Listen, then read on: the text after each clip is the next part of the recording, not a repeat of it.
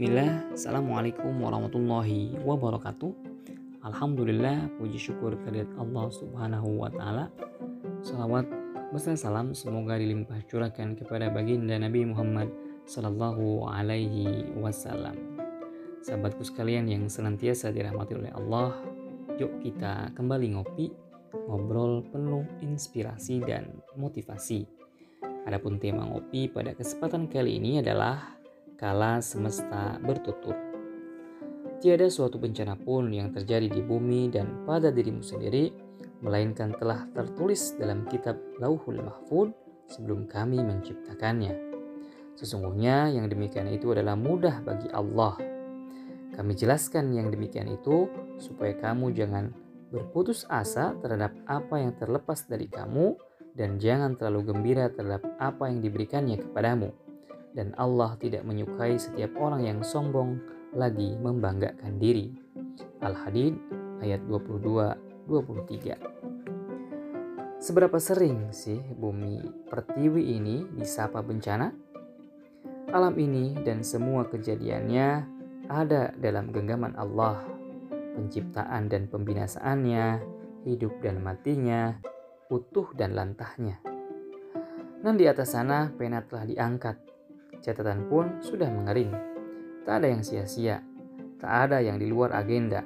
Semua peristiwa datang dan pergi dalam skenario yang rapi, membawa hikmah bagi sebagian dan membawa azab bagi sebagian yang lain. Di tengah rangkaian bala ini, mari kita tunduk sejenak. Ada di golongan mana kita berada? Dari dua ayat yang mulia itu, berderet pesan bisa dirangkum. Di antaranya, ada orang yang berputus asa karena gagal mendapatkan sesuatu, ada pula yang terlampau gembira, bahkan menjadi angkuh karena berhasil mendapatkan sesuatu. Sehingga pada titik tertentu musibah itu perlu dikirim untuk meluruskan yang bengkok, menundukkan yang congkak, membersihkan yang dosa, dan menyadarkan yang lena. Ikhtiar itu wajib. Antisipasi penanggulang bencana juga harus dibuat. Tapi pada akhirnya kita akan sampai pada taraf kesadaran bahwa sejatinya tugas kita bukanlah menghindari mati sambil menggenggam dunia, tapi menata hidup untuk menjemput maut dengan jalan terindah. Dulu, Nabi Musa alaihissalam disambangi Allah di puncak Sinai, berdialog secara langsung, karenanya ia dijuluki Karimullah. Nabi Muhammad SAW lebih dahsyat lagi, diminta sowan ke Ars di langit ketujuh menerima wahyu sholat yang terangkum dalam dialog dan abadi.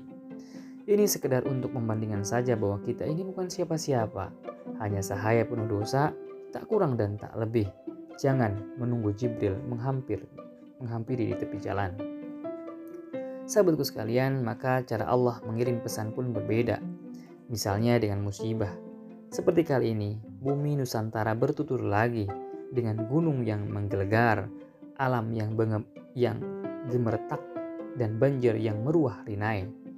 Beberapa hari yang lalu, luapan erupsi Gunung Semeru menggemparkan masyarakat sekitar. Ini baru pesan singkat, isyarat pendahuluan, teguran yang teramat sopan. Tapi untuk apa? Di sinilah serunya. Bagi masing-masing individu, musibah yang sama tak mesti memiliki tujuan yang seragam. Bagaimana seseorang bereaksi terhadap pesan Rob, di situlah derajatnya. Ditentukan dengan akurat. Sampai-sampai Nabi SAW menyebutkan bahwa manusia itu seperti tambang emas yang akan tampak nilainya dengan dibakar. Ini sebenarnya tidak hanya berlaku pada manusia, tapi juga segala yang kita temui di maya pada ini. Lihat cerita Allah tentang nyamuk di surat Al-Baqarah. Orang-orang beriman berujar, ini sesuatu yang hak dari Allah. Tapi orang yang kubur bersikap congkap dan berkomentar, apa maksud Allah membuat pemisalan seperti ini? Dengan peristiwa yang sama, banyak orang yang mendapat hidayah, tapi banyak pula yang tersesat menjauh. Hadallahu wa iyyakum. Bagi sebagian orang, bencana adalah musibah dunia akhirat. Yang dimilikinya hilang tak berbekas, imannya juga ikut hanyut meluruh. Keangkuhannya kala bergemilang nikmat beralih rupa menjadi putus asa dan sumpah serapah. Laksana pendulum yang bergerak dari satu titik ekstrim ke titik ekstrim lain yang sama buruknya. Memang menilai dan menyaksikan itu selalu lebih mudah. Tapi sungguh tulus hati berharap semoga Allah menyayangi saudara-saudara yang sedang diuji agar tak termasuk golongan mereka. Tersadar diri ketika membaca sebuah ayat dan di antara manusia ada orang yang menyembah Allah dengan berada di tepi. Maka jika ia memperoleh kebajikan, tetaplah ia dalam keadaan itu. Dan jika ia ditimpa oleh suatu bencana, berbaliklah ia ke belakang. Rugilah ia di dunia dan di akhirat. Yang demikian itu adalah kerugian yang nyata. Al-Hajj ayat 11. Sahabatku sekalian, jadi masih bagaimana kita bersikap? Mari kita menata diri layaknya insan beriman. Bagi orang-orang istimewa ini, setiap kali Allah mengirim pesan, ia berusaha menangkap maknanya sambil mawas diri, bukan menyalahkan orang lain, apalagi merutuki cuaca dan bentang alam.